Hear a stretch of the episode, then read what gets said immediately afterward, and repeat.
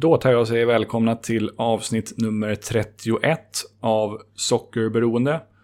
Sveriges kanske enda podcast om nordamerikansk fotboll. Jag heter Johan Dykhoff och i det här avsnittet blir det fokus på årets expansionslag i MLS, det vill säga Austin FC. Jag intervjuade i det här avsnittet nämligen Tony Cardoni som är nybliven president för Austin FC supporterklubben Austin Anthem. Jag intervjuade Tony för lite drygt ett år sedan för Svenska fans räkning, men då enbart via mail och då var Tony vicepresident i Austin Anthem. Men nu har han alltså befordrats och jag tyckte att han passade utmärkt som gäst i Sockerberoende. I den här intervjun pratar vi bland annat om fotbollskulturen i Austin och varför det är en bra stad för ett MLS-lag. Vi pratar om rivaliteten till de andra Texaslagen lite grann om den gångna säsongen då Austin FC slutade näst sist i Western Conference och även om klubbens väldigt generiska namn.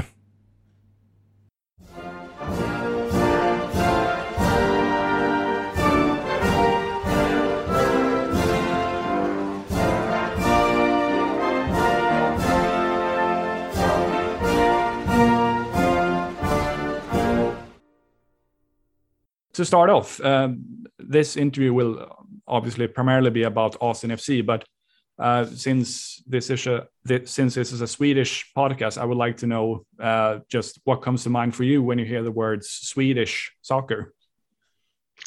Well, I mean, it'd be hard not to go after the one guy. Um, you know, you don't mess with the Zlatan, as it were. Um, you know, I, I think Swedish soccer, especially since he came to the U.S., has been a little more visible.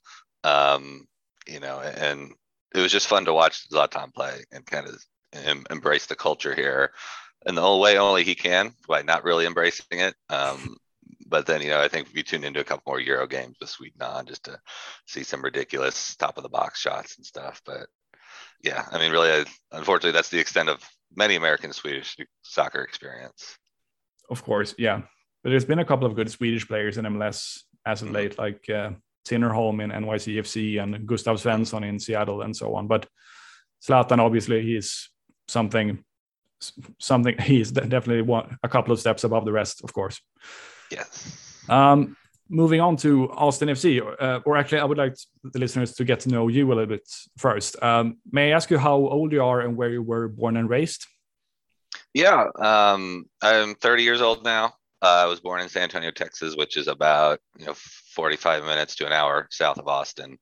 Um, spent some time in Lubbock, Texas for college. Worked in Dallas, Fort Worth for a while before I ended up in Austin um, five or six years ago. So okay. that's well, the tour of Texas, except for Houston. So yeah, that's, my that's my background there. Yeah. Um, so growing up as a kid in um, San Antonio, did it, did it become uh, did you become a soccer fan like at a very early age? Yeah, well, I mean, for those of you listening, obviously you can't see that I'm six foot three, six foot four. So I was kind of forced into the basketball realm. Unfortunately, I do not have any sort of hand-eye coordination, so that that quickly made that more of a, a passing fancy. And then, um, you know, soccer really kind of was the like we all played soccer growing up, and it's kind of an American thing where you all play soccer at some point in your life.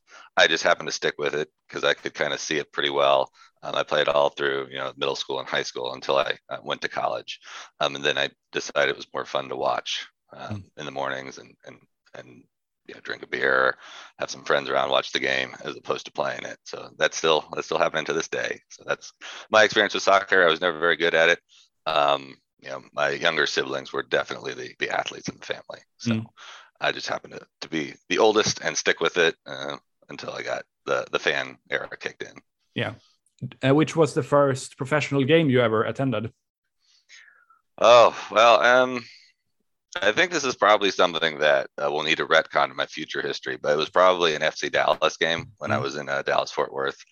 Um, you know, I, I, saw a couple of those games. A couple of San Antonio. There used to be an NASL team called the San Antonio Scorpions, which was a minor league franchise. Um, that may have been the first game that I actually went to, um, but obviously the first one professionally it was probably an FC Dallas game in Frisco. And that was in 2000 or not, even 1990. No, no, not 1990. That was probably 2011, 2012. Ah, I see. Um, but right after I got out of 2013, 2014, actually, I got out of college, went to Dallas Fort Worth Mm. uh, to work, and uh, that team was there. So I went to a few games. Yeah. Um, and that was probably the first one I saw there. Yeah. Okay. Uh, but now, as you mentioned, you, you live in you live in Austin, and you are currently the vice president of Austin Anthem. That's correct.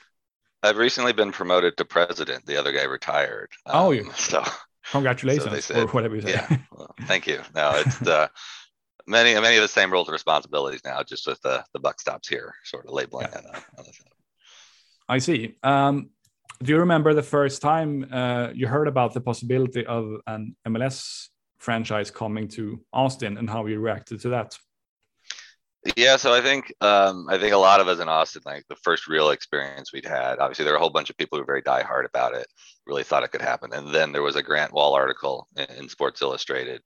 Um, it was I want to say August, September of 2016, maybe 2017, Mhm. um, or maybe 2018. It's been, it's been it's been a couple of years that I don't really know how the the time scale works anymore. But um, that was when they kind of mentioned that Anthony Precourt, who was the owner of the Columbus Crew, uh, mentioned he was going to probably move the team to Austin, Texas.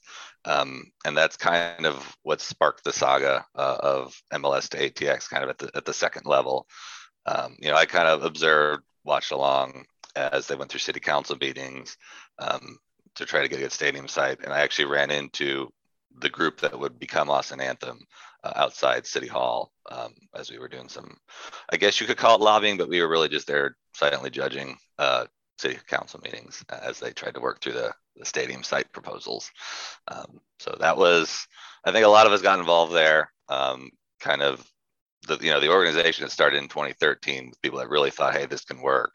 And then, you know, once that article came out and it really picked up steam and Yeah. kind of snowballed into where we are today. Yeah. Do you um, do you feel does it feel sort of better for you that the Columbus Crew didn't have to die for Austin FC to be born, so to speak? Yeah, yeah. And, you know, there's always going to be internet trolls, I think is a Mm. word to say that are like, well, we don't like Columbus, you know, they're we should we should have taken their team. They don't deserve it. But I think anyone that's had a soccer team that they support, they understand that like you shouldn't ever want to take away another team's team, another city's team. And the way that Columbus and Austin kind of are intertwined kind of forever is a unique part of the MLS experience. And I think we're all pretty glad that they got to keep their team and we got to build kind of our own uh, our own little Austin teams down here. Yeah. Um, I remember I asked you this uh, when I interviewed you the last time, but I'll ask it once again because people listening to this might not have read that interview. But what makes Austin a good city for an MLS team, in your opinion?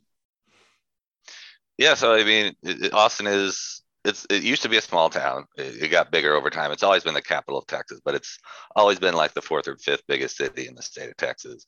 And in the last, you know, 15, 20 years, ever since kind of the internet kind of exploded, Austin has kind of taken off with it, which means it's it's inherently a town that's you know half people that grew up here and lived here and half people that have moved here in the last 20 25 years.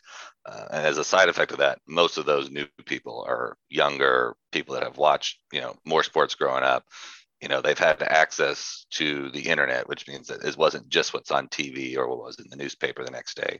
We were able to access soccer growing up uh, in a way that no other generation in the us has. Mm. um, plus i mean mls was born in what 96 so I mean, we didn't even have our own domestic league until most of us were were growing up. So it kind of creates this perfect balance of people that have always been soccer fans with a city that doesn't have a professional sports team.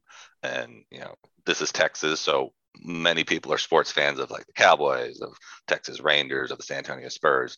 And just to have kind of our own little thing in in austin with a sport that really matches the demographics of the city made it really really take off i think in, in the business metrics minds. But then you also have the passionate support i think people have been able to see through this first year um, really how, how important that can be to making a team in a city kind of one cohesive unit. Um, are you and uh, the other um, like board members of Austin Anthem happy about the way the city has sort of embraced Austin FC so far? I think I think it'd be hard to say anyone's disappointed with the way this this team has been received in the city, uh, especially given you know the context of how this team started. in, in the middle of a pandemic like you really have no there's no there's not really a playbook for starting a new team anyways but there's certainly not a playbook for starting anything up in, in the midst of you know an environment where you can't really meet before games like you know we didn't really have the ability to do anything for the first half of 2020 mm. and in the back half of 2020 a little bit more 2021 kind of picked it up but then to see the stadium full on that first match day in june to see people traveling like they do, to see just you know people going into the grocery stores and the shopping malls just dressed out in in you know verde and black uh, was really really great to see.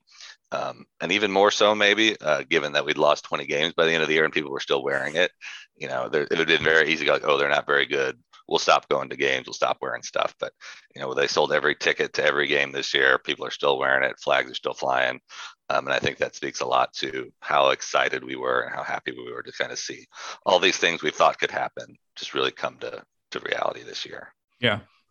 Um, speaking of uh, the attendance at your games, I know your your Texas rivals in MLS, the Houston Dynamo and FC Dallas, they are are and have for a number of years been close to the bottom of the league when it comes to attendance numbers. Are you worried that the same thing could happen to Austin FC? Uh, I mean, I think there's always it'd be naive to say like we're not worried that you know years of not being good could turn into something like that. Um, I I think we have a unique scenario where like in Dallas, you know, you've got the Cowboys, Texas Rangers, Dallas Stars, and the and the Dallas Mavericks. Um, you know, Houston, you've got similar things where you've got other sports teams to mm-hmm. compete mm-hmm. with time and attention. In Austin, you've really got the University of Texas, which a lot of us didn't go to, and you've got a bunch of minor league teams before you hit Austin FC. So I think there's always a chance that the tens will drop off. But in terms of like your primary sports team in your town, I, I think Austin FC is probably going to stay there for quite a while. But if um, Austin FC perform like let's say FC Cincinnati for the next two years, then some then yeah. that might change. yeah, I mean that's definitely for sure a, a, big problem. We're, we're like, well, hopefully we're not Cincinnati, um, in, in terms of that. But I mean, you got to give credit for them. They've won what like four home games over three years or something, or or maybe it's nine or something. But like their fans, it's not full, but the fact that people are still coming to a game knowing that their team probably could go up three nothing and then lose four three like that. I mean, you got to give them a lot of credit for that. Yeah. um, speaking of uh, FC Cincinnati, uh, when like the other week when the, the New England Revolution announced their new crest, um, they also like joked about being not another FC, which was in reference to like the recent rebrandings and the names of some of the newest MLS teams. Uh, how do you feel about your club being another FC, so to speak? I, I, I think there is always something about you know the american like oh we need to be different sort of thing like you know the new england revolution like you said um you know i mean for for 10 15 years there'd been like this running joke of like why is their logo clip art you know, it's kind of a thing um but then you know to hear people be like well austin should have its own thing like at some point there are proposals like austin athletic club or austin sc for soccer and really it's about just kind of like FC is kind of a classic, like it's you know football club. Like mm. you don't need to be the Revolution, you don't need to be the Galaxy. Like in Austin, you can call yourself Austin, and then you can throw FC or SC after that. And really, the Austin part is doing the work there. Um, and then you kind of couple it with the great crest that they had, that beautiful oak tree with the the green and the you know the word Austin as the main word with FC mm. kind of down there.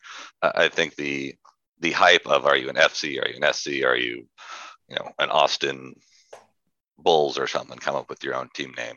Um, I think you know we kind of gatekeep our own soccer experience by saying we need to be like Europe in this way or we shouldn't be like Europe in that mm. way. When in reality, it's like it's just the name for your team and doesn't make sense for your your city. And I think Austin FC works really well yeah. for for what we've got. I see. Um, so uh, moving on to this year's MLS season, what were your expectations on Austin FC going into uh, your first ever season in MLS? I think, at least in terms of results, we were looking at, we were hoping to be kind of down there in that you know eight nine ten spot kind of maybe competing for that last playoff space um, and at the beginning of the season i think we are like oh this is very reasonable objective mm-hmm. you know we, we started off decently well had a couple ties and then as the season went on you kind of were like well this is probably not going to happen um, and that's when you kind of realize that despite kind of the aura of mls not having a you know the unlimited amount of money to spend and all these weird arcane rules like squad depth really makes a big difference when you hit that July, August, September gauntlet. Um, and by the end of the season, you know, we're like, well, can we win the Copa Tejas? Can we beat our, our Texas rivals to the to, to our own little uh, statewide cup? You know, can we make sure we stay out of the bottom? Can we make sure this team is you know, in the right trajectory for next year? So, I think in terms of if we were starting, you know, back in February, March, was this team a success? I think we're all pretty disappointed with the results on the field. But once you get into it and you kind of look at the context, I think there's a lot of really good things that we should have been a little more uh, realistic about, I guess, yeah. over the course of a first team, uh, first season team, again, being built in COVID and I mean, limited practices and training and a new stadium and a new practice facility. Like, the fact that we just kind of came in and we're like, well, we think we should make the playoffs, probably a little uh, ambitious on, on, our part. Um, so. um, speaking of uh, like not being able to spend uh, unlimited amounts of money, how how much attend, how much time and energy have you put into trying to learn uh, the MLS roster rules and regulations as as as a somewhat new MLS supporter? I think I've spent more time finding people that know these rules to ask them because I think they change them on the fly sometimes. Um, but you know, as the season goes on, you get these. We have a bunch of podcasts here that talk very, very well in depth about those rules. And they're like, well, we've got we've got a DP spot worth you know 1.5 million or something, mm. and you're like, cool, we should go fill that spot.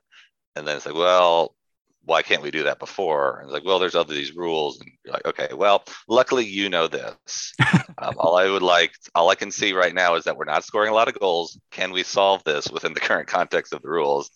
And then we got some really good journalists and, and fan podcasts that are like, okay, these are the people that are available. You know, these are the people that are being rumored to talk about, and this is how we think that you know, they would fit into the system. So um, I enjoy watching it. I enjoy some of the tactics, but I don't even know if I have time for a third job of learning the Major League Soccer rule book transfers. Uh, which are some of those podcasts that you follow, by the way? Yeah, I mean, we have our own podcast. They do a great job at talking about from the fan experience. Um, Moon Tower Soccer mm-hmm. uh, does a great job. Uh, there's Capital City one. There's a couple of, you know, we are Austin TV that are a little more like Arsenal fan TV sort of approach. Um, so we've got our own own suite of do you want to learn the tactics or do you want to be part of the fan culture experience? So all those are good listens. And unfortunately, there's only so many hours in the day. So you can yeah. pick and choose kind of which is your preferred spice of life. Yeah. um, to what extent do you follow the MLS playoffs now, now that Austin are not a part of it? I, I, think we'll probably watch quite a bit more than we used to, um, at least from a personal perspective. You know, I'm, I'm a Liverpool fan, so I'll be able mm. to watch Liverpool in the morning and then be able to watch uh, MLS in the evening. Uh, and, and, I think the excitement is really like you can finally maybe not care all that much about who wins and who loses. Um, you're not stressed out every every week about oh if they win you know then we'll move up or we play them next week so a yellow card be great. So you're just right. kind of sitting there like these are single game elimination rounds. Um, and again, I don't know if you saw any of the games last night, but that you know these like extra time added extra time stuff. It's just it's a whole nother level of excitement and not worrying about your team's impact on that. It's it's pretty fun. And you know, again, it's a very American thing to have playoffs after playing, you know, 34 games. Um, but it's a it's a whole nother thing why like the Champions League is so successful, right? It's there's something extra special about elimination matches. And, and yeah, every goal mattering is just fun to watch, regardless of if you're a big fan of a team or not. Mm and you don't need to worry about any of your Texas rivals winning the playoffs, which is good. That, I guess. no Texas teams, no California teams in any of the playoffs. So we really just kind of cleaned out that suite real yeah. quick, real quick. um, let's see. Uh, uh, speaking of Austin FC again, uh, who are it, who were in your opinion some of the best players for Austin this season? I think it's hard to say that Brad Stuver didn't basically carry us to the first half of the season. Um, I think he kind of regressed back towards his mean, but he was playing out of his mind mm. for the first half of the season. And he became, he went from a really good goalkeeper to, you know, kind of what you were hoping he'd be about the midpoint of the season. Um, but, and obviously Driussi when he came in, big difference. But I think from, from end to end, uh, this team's success was largely built around how, how involved was Alex Ring in any particular game. Um, you know, we lost him for a couple of red cards for his own excitement, and you could see the team kind of took a turn there. You know, he was out for a game or two, um, and the team kind of kind of struggled through that. So I think if you don't build your core around him next year, um, I, I, think you're probably creating a much bigger problem for yourself than you need mm. to. Um, and I think a lot of the times he doesn't score many goals. He's not a goals guy. Like that's not his role. Um, but the fact that he's able to command a team that was again kind of patched together and kind of boss them around like he was able to do for large parts of that season, mm. um, I would say he was the most important player of the year uh, for us. Do you have like uh, like individual awards at Austin FC, like the team MVP or anything like that? Um, I think there was the club awarded a defensive and an offensive player of the year, and they gave it to Diego Fagundez for the offense, who was obviously very important, and Brad Stuver on defense. Um, oh yeah, I remember reading that. Yeah, yeah that's who the club awarded. So you know, I think Diego's a great, a great guy and a great player. Um, I think he was super important and definitely deserved award. Um, but there's there's no position for like most likely to keep your team together through chaos, which is really where Alex Ring kind of thrives in that role. So yeah, uh, I think uh, Driussi looks really good. Uh, I'm not I'm not saying he was like um, I I think he was really good this season, but I think he'll be even better next year, like Lucas Zelarayan level good uh, next year. Yeah, um, I mean the team was just so different, right? Once he mm-hmm. came on, I, you know, you could see not that we were winning anymore, but we were not languishing in midfield. Um, like it was, you get the ball, move it around, send it to Driussi, mm. and he would make something happen. And even when Djitté came in as well, there was a different feel to the game. Um, again, better or worse is kind of your judgment, but it was definitely more exciting brand of football once, once yeah. came around. Is there anyone, uh, um, any particular player or any like part of the team that you expect more from next year? Yeah, I mean, I think the year that Žan Kolmanič had, um, being a young player, you know, being called up to the the national team this year, I think his his potential, like when he came on board, like oh, we don't really know who this kid is. You know, he's going to kind of cover in maybe a, a, backup role for that for that outside back, and to see him kind of grow throughout the year, it's like you can kind of move his ceiling from like where it was at the beginning of the season. You could probably double that, mm-hmm. um, where you think he can be next year.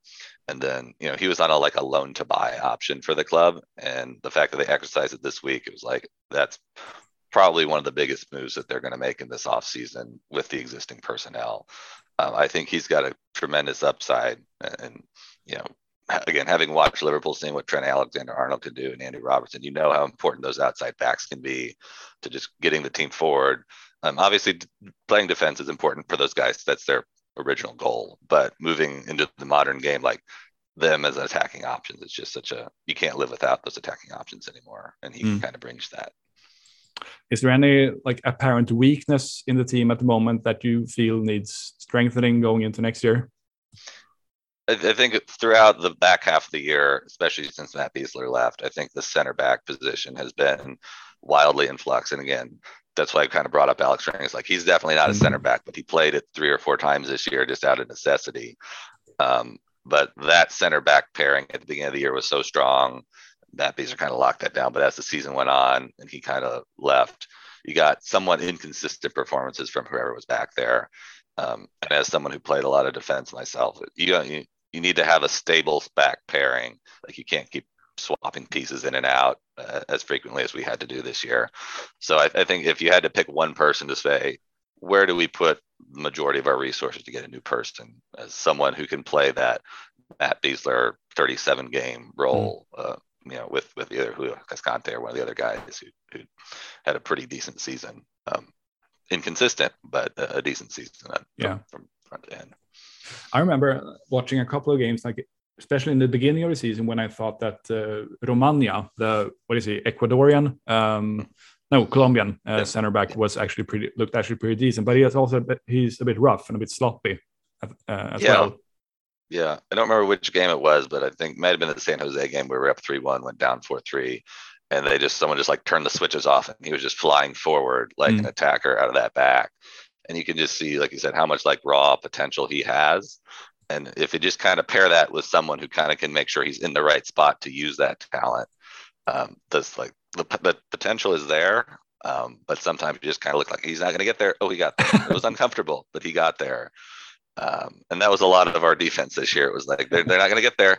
Okay, last ditch effort. Maybe we should stop doing last ditch efforts every two or three minutes and just be in position to start. But you know, maybe it's again if it's one or two people that can say, "Here, you need to be two or three steps back," and if that's what fixes it, then I think you've got a really, really good uh, defense flying back there. Yeah. Um, you talked a bit about the stadium before, uh, um, but how do you like Q2 Stadium so far? Uh, I think it's a perfect stadium for for kind of the the fan base we have here. Um, you know, it's not the biggest in this in the country. It's not the most expensive. It's not the flashiest, but when it's rocking, I, I think it's really hard to deny the impact that the structure has. The fans are there.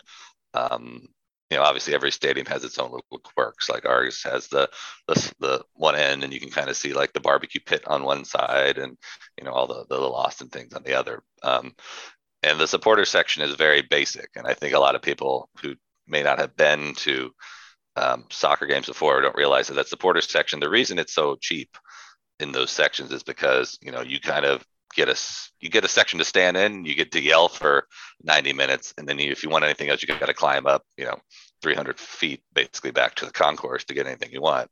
Um, but it's really perfect between that and the safe standing which is you know I think it's coming back to europe as well.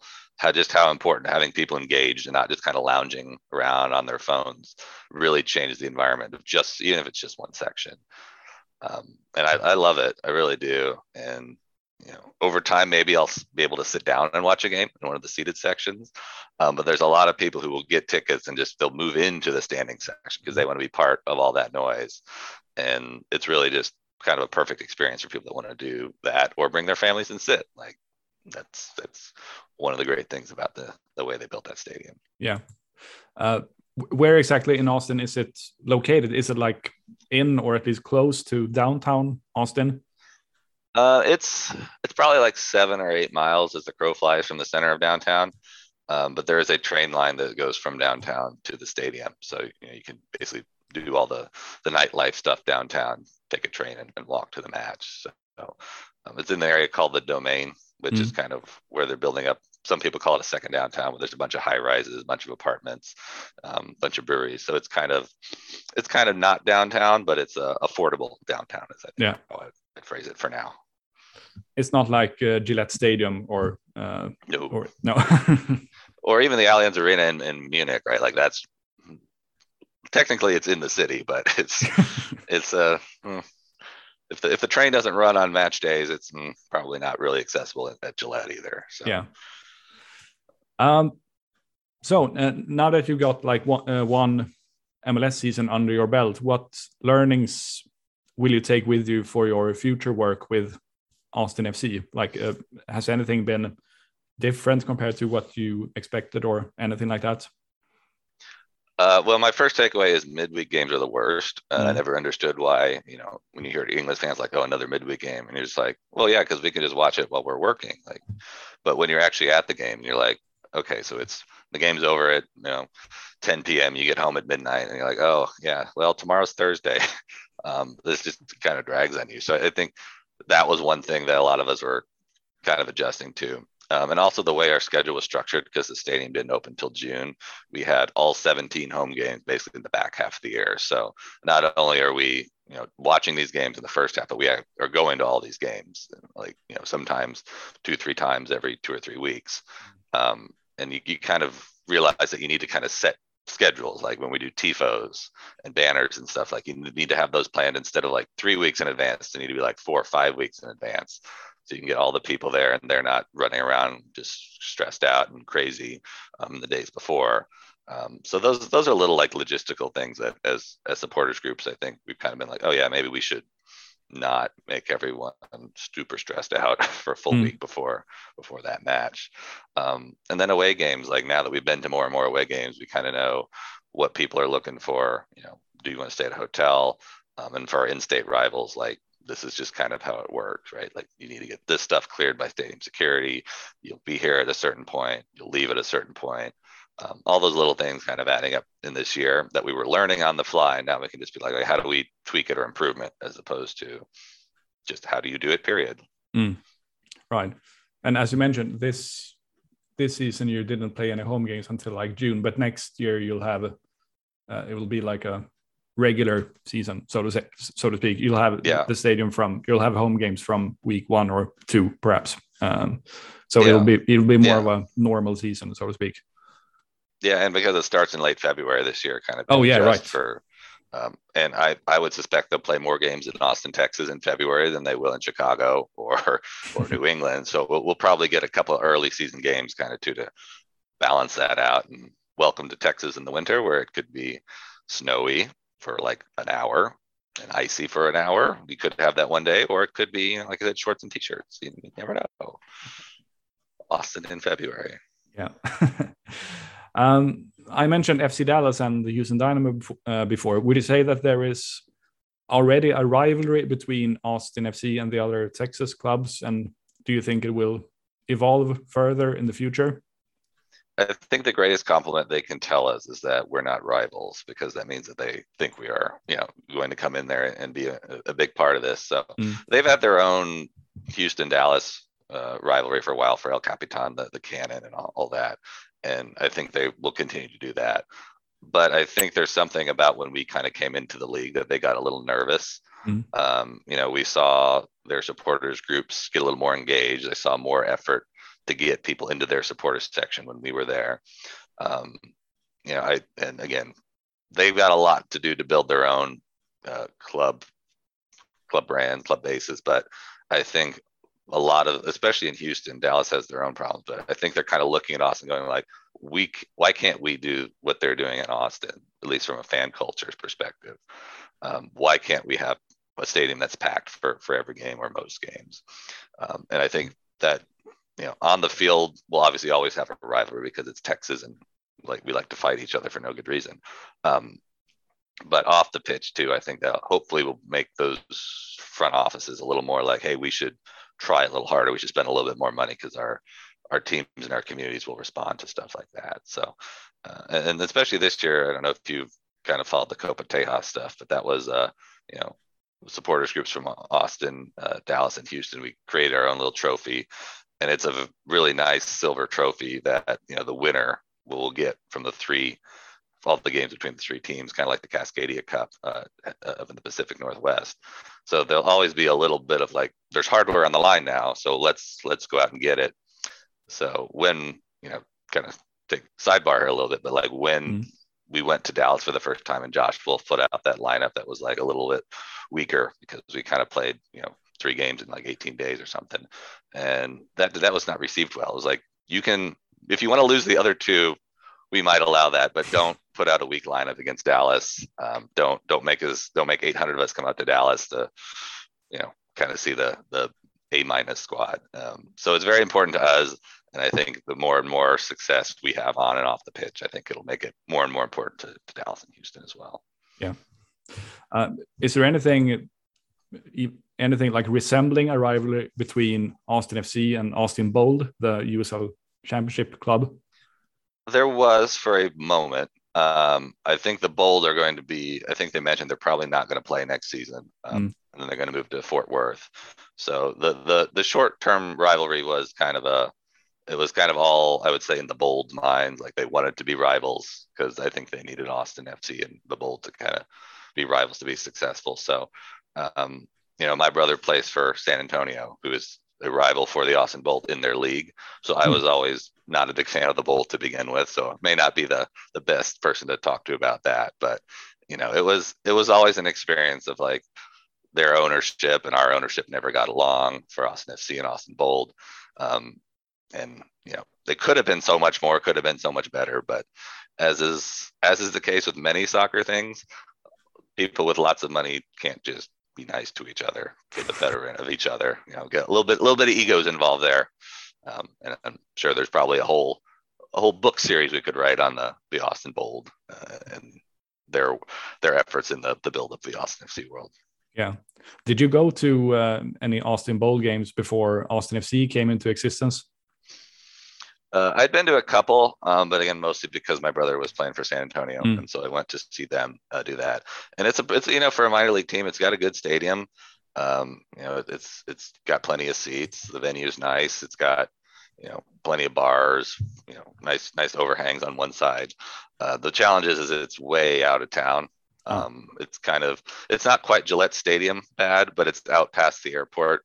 Um, so it's really a difficult challenge for anyone that's you know west in, in our case west of the river or, or in the north part of the the city to kind of get down there on a reasonable basis. But you know, I love minor league sports. You know, you got your your dollar beers before the game, your five dollar beers during the game, your your eight dollar tickets. You know, there's there hopefully there'll always be a, a market for minor league soccer here, but the Bold couldn't quite figure out that that magic. Right, right. Matt Cardone, that's your brother, right? Yeah, the yeah, goalkeeper. You can see. Yeah, he's got a slightly larger beard than I do in most pictures you probably found. Uh, I, I, I, definitely recognize I recognize the name uh, definitely. Um, let's see. Um, before we wrap things up, uh, is there anything Austin FC or Austin Anthem related that you would like to uh, give a plug for? Anything that you want people over here in Sweden to know about?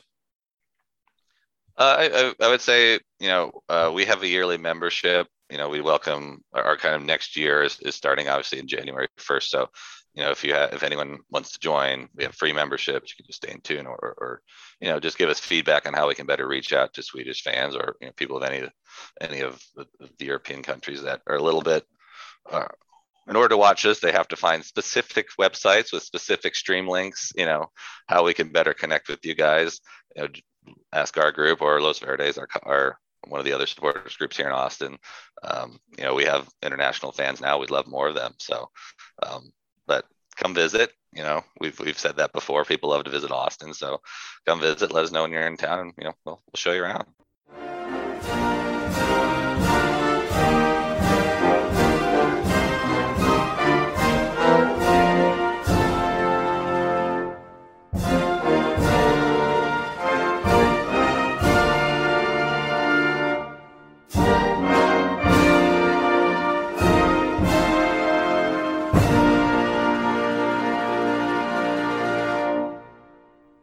Sådär ja, då tar vi och tackar Tony Cardoni för att han tog sig tid att ställa upp på den här intervjun. Och vi önskar honom förstås all lycka och medgång framöver. Hoppas för hans och övriga Austin FC-fans skull att nästa år blir sportligt sett bättre för Austin. Tack för att ni har lyssnat. Håll utkik efter fler avsnitt. Det är flera krokar ute och jag tror att det ska lösa sig med nya avsnitt inom kort. Så prenumerera och håll utkik i feeden så dyker det upp nya avsnitt snart. Ha det så pass länge. Tja tja!